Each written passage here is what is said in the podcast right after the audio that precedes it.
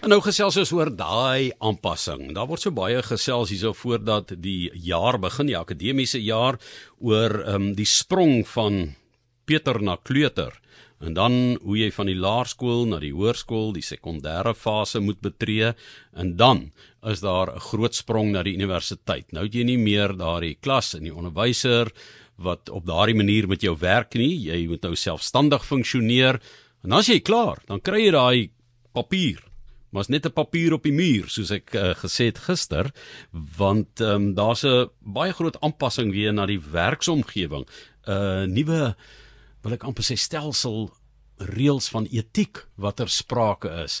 En daaroor gesels ons met Roan Venter akademiese registrateur by Boston City Campus. So ehm um, Roan vertel vir ons 'n bietjie wat is die uitdagings wat mense het ehm um, en of dit jy weet werklike probleme is om daardie uh, tipe van oorgang te maak. Vind julle dit bly vir mense 'n probleem? Ja, Johan, definitief. Ons ondervind dit as 'n enorme probleem met ja, ons gradiandi as hulle die instellings verlaat. Hulle voel 'n bietjie verlore want dit is nogal soos jy sê 'n reuse sprong met daai etiek wat moet verander. Mense kan nie meer inlê elke oggend en dan jou dag begin wanneer jy so voel nie.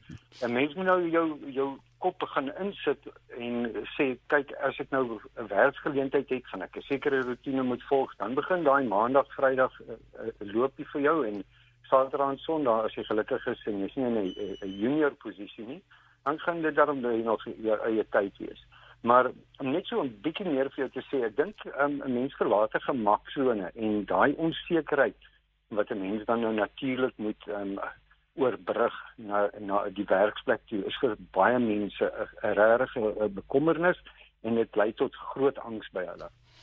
Ja, jy het ou gepraat van daai um, oorgang van die omgewing waarin jy is tot die eintlik koöperatiewe kultuur sê moontlik as jy in so 'n plek gaan werk, die nuwe werksom daai werksplek se uh, kultuur. So die werksplek wat jy betree, almal gaan verskillend funksioneer, né? Dit is natuurlik so. Ehm um, en dit dit hang ook af natuurlik van watter rigting jy gestudeer het. Ehm um, ek dink dit is natuurlik um, as jy 'n professionele tipe van kursus in was, byvoorbeeld medies of in die regsgeleerdheid, dan dink ek is daar nog groter hoeveelheid druk op jou as iemand wat byvoorbeeld ehm um, iets gaan studeer het soos 'n drama waar jy bietjie meer 'n vrye kultuur het en in 'n omgewing en dis bietjie meer kreatief as wat jy 'n stoere um, akademiese en professionele ja. persoon moet word oornag. Nou gegradueerdes um, of tersiêre gekwalifiseerdes, hoe moet 'n mens geestelik voorberei en wanneer jy wanneer jy deurgaan deur die aansoeke wat jy nou wil gee vir mense waar jy wil gaan werk, hoe benader 'n mens dit? Watter stappe sal 'n mens moet doen? Wel ek dink die eerste ding is belangrik is 'n mens moet verstaan nie alle deure gaan vir jou oop staan nie. Jy gaan by toe deur ook kom en nou jy gaan maar moet omdraai en jy gaan dit moet aanvaar. En ek dink die groot ding wat hierso vir mense regtig van belang is, is dat hulle nie teleurstelling moet um, verpersoonlik nie. Met ander woorde, as jy by 'n toe deur kom, uh, moenie gaan dink ek is nie goed genoeg nie. Jy was dalk net nie goed genoeg vir daardie posisie nie of daar 'n sekere eienskap of 'n sekere hoeveelheid ervaring wat hulle van jou verwag het wat jy nog nie in plek gehad het nie. Of miskien het daar net 'n tekortkomingkie gewees op jou CV en hulle het nou byvoorbeeld nie gekry by hierdie maatskappy wat hulle na gesoek het nie. So dit is nogal 'n belangrike ding om om te doen. Is daai voorbereiding van die dokumente waarmee jy gaan aansoek doen vir 'n posisie in die werksplek. Roan, ehm um, daardie daardie aand voor jy by die nuwe plek ingaan, slaap jy mos nie. jy weet dit is as 'n holkol op jou maag. Party mense kry angsaanvalle en jy weet word geweldig gespanne. So miskien 'n paar wenke van jou kant af hoe mens daarmee moet werk. Ja, ek dink mense moet maar net ehm um, aanvaar dat jy in 'n nuwe omgewing is en dat jy natuurlik ernstig ehm um, nuwe vaardighede gaan moet aanleer ehm um, jy gaan maar 'n nuwe hoeveelheid reëls moet aanleer, jy gaan 'n nuwe kultuur moet aanleer en 'n mens is so half bietjie ehm um, ek gaan amper sê onnosel as jy daai eerste rukkie by die werk aankom en jy het nie die praktiese ervaring ehm um, wat jy in die werksplek voor voor die tyd opgedoen het nie. So ek dink daai antisipasie vat 'n groot diep asem in daai aand en sê ehm um, dit is dit is maar basiese geval van ek gaan deur hierdie proses gaan en ek gaan kritiek kry. Ek moet dit net nie vir persoonlik nie ek sal dit vat en daarmee groei. Groei is baie belangrik. Ja, ek ek wil ook vir jou vra ten opsigte van jou eie houding wanneer jy instap by 'n plek. Ek ek het ervaar dat hier en daar 'n paar jong mense inkom. Dis die eerste dag van die werk aan sê sê hulle vir jou wat hulle nie gaan doen nie en nie bereid is om te doen nie in plaas van wat hulle gaan doen en wil doen en sal doen. Jy weet amper die met 'n negatiewe tipe stel reëls inkom. Ehm um, hoe moet 'n mens dit benader? Hoe belangrik is positiwiteit? Ek dink positiwiteit is seker een van die mees belangrikste elemente um, as jy in 'n werksomgewing aankom of selfs as jy gaan vir 'n onderhoud vir vir 'n posisie by 'n maatskappy. En ek dink wat 'n mens daaruit moet besef as ek sê positiwiteit is dat niemand is te sleg of te goed om enige tipe van werk te doen. En as 'n mens daai daai verantwoordelikheid het in jouself om enige enige werk wat jy moet doen in die werkplek, pligte, verpligtinge moet aanneem. Ehm um, ek dink die etiek daar rondom is ek kan hierdie hierdie proses deurgaan, ek kan hieruit leer en ek kan iets hiermee opbou. En dit is natuurlik daai selfaktualisering waar jy minderwaardige goedjies doen, maar aan die einde van die dag voel jy ek het dan nou iets ehm um, gemaak hiervan en ek kan ek kan groei daaruit en dis iets wat ek in die in die langtermyn dalk ook op my CV kan bysit. En ehm um,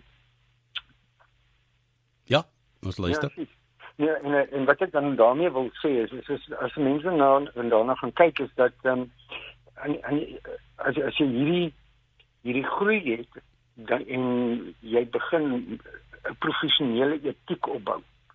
En ek dink mense in die werkplek sien dit raak as jy nie kieskeurig optree nie. En dit is natuurlik vir jou vir jou toekoms in 'n maatskappy en die groei wat jy het om later ook na ander werkgewers uh, aansoek te doen en uit te reik na vir 'n posisie wat dit net vir hulle gaan sê kyk hierdie mense is bereid om enigiets te doen en met ander woorde ons kan hierdie persoon met gemak aanstel en dit, dit gaan vir vir jou ten bate wees.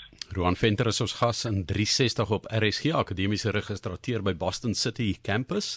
Nou is dit nie so dat 'n uh, instelling, akademiese instelling wanneer die student klaar gekwalifiseer het net sê dankie tog ons is ontslaaf van die student want uh, uh, uh, nie alle studente nie, maar studente kan uh, soms Ek meen vir jou um, twee keer laat dink by so 'n instelling, is daar 'n verantwoordelikheid van die akademiese instelling se kant af ten opsigte van daardie oorgangsfase wanneer 'n student gekwalifiseerd is en so 'n instelling verlaat? Ek dink in die verlede was daar um, baie streng reëls in plek gewees um, vir professionele grade as ons nou so daarna kan verwys.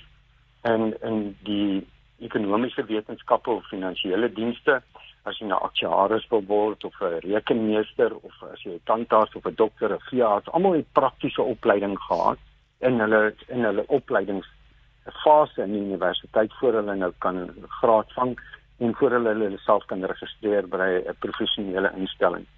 Ehm um, maar ek dink al hoe meer druk het gekom van die werkgewer af dat hulle nie die tyd of die genade het wil ek amper sê om 'n graduandie van 'n universiteit aan die hand te lei in die werksplek en nie meer en meer druk het daarop gekom nou dat daar soveel mense is met grade jy weet eh, eh, wat nie nou noodwendig baie maklike werk in die werksplek gaan kry nie want die vraag en aanbod is 'n bietjie buite balans. So ek dink daar het natuurlik 'n groot verwagting gekom op ons waar ons die studente met eh, wat ons nou in Engels van noem work integrated learning wat skat om deur 'n minimum van 2 weke in die werksplek. Die werkgewer gee vir ons terugvoer. Ons gee vir jou voorbereiding byvoorbeeld deesdae op 'n tersiêre vlak om daai CV te skryf. Wat word van jou verwag in die werkplek? Hoe jy eties optree, wat is oneties? Ehm um, hoe om 'n professionele e-pos te skryf. Die die fynere detail van die werksomgewing word nou al is nou al deel van 'n kursus uh, aangebied in die kurrikulum.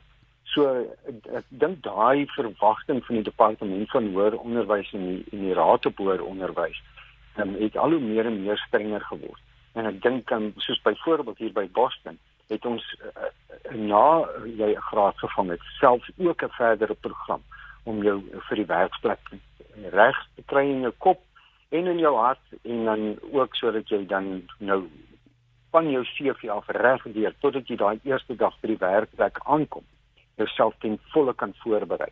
En ek dink dit daai gemoedsrus ehm um, is baie belangrik en dit is hoekom dit so 'n professionele oorbrugging is vir 'n student om van hierdie ek wil sê sosiale ek wil nou nie sê losbandigheid maar net so bandelose lewe ewe skielik in hierdie ritmiese dag tot dag professionele lewe in te gaan.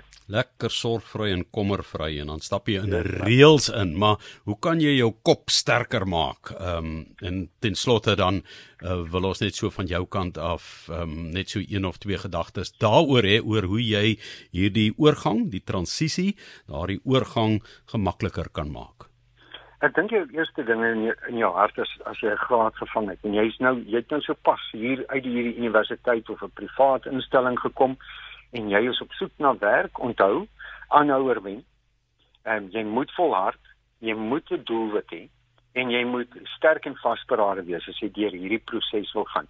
sien die werksoekproses as 'n nog 'n kwalifikasie, as amper 'n werk wat jy doen om elke dag ehm um, navorsing te doen um, gee jouself 'n bietjie tyd om oor dinge te dink, kry die inligting oor die maatskappy, verstaan waar jy gaan.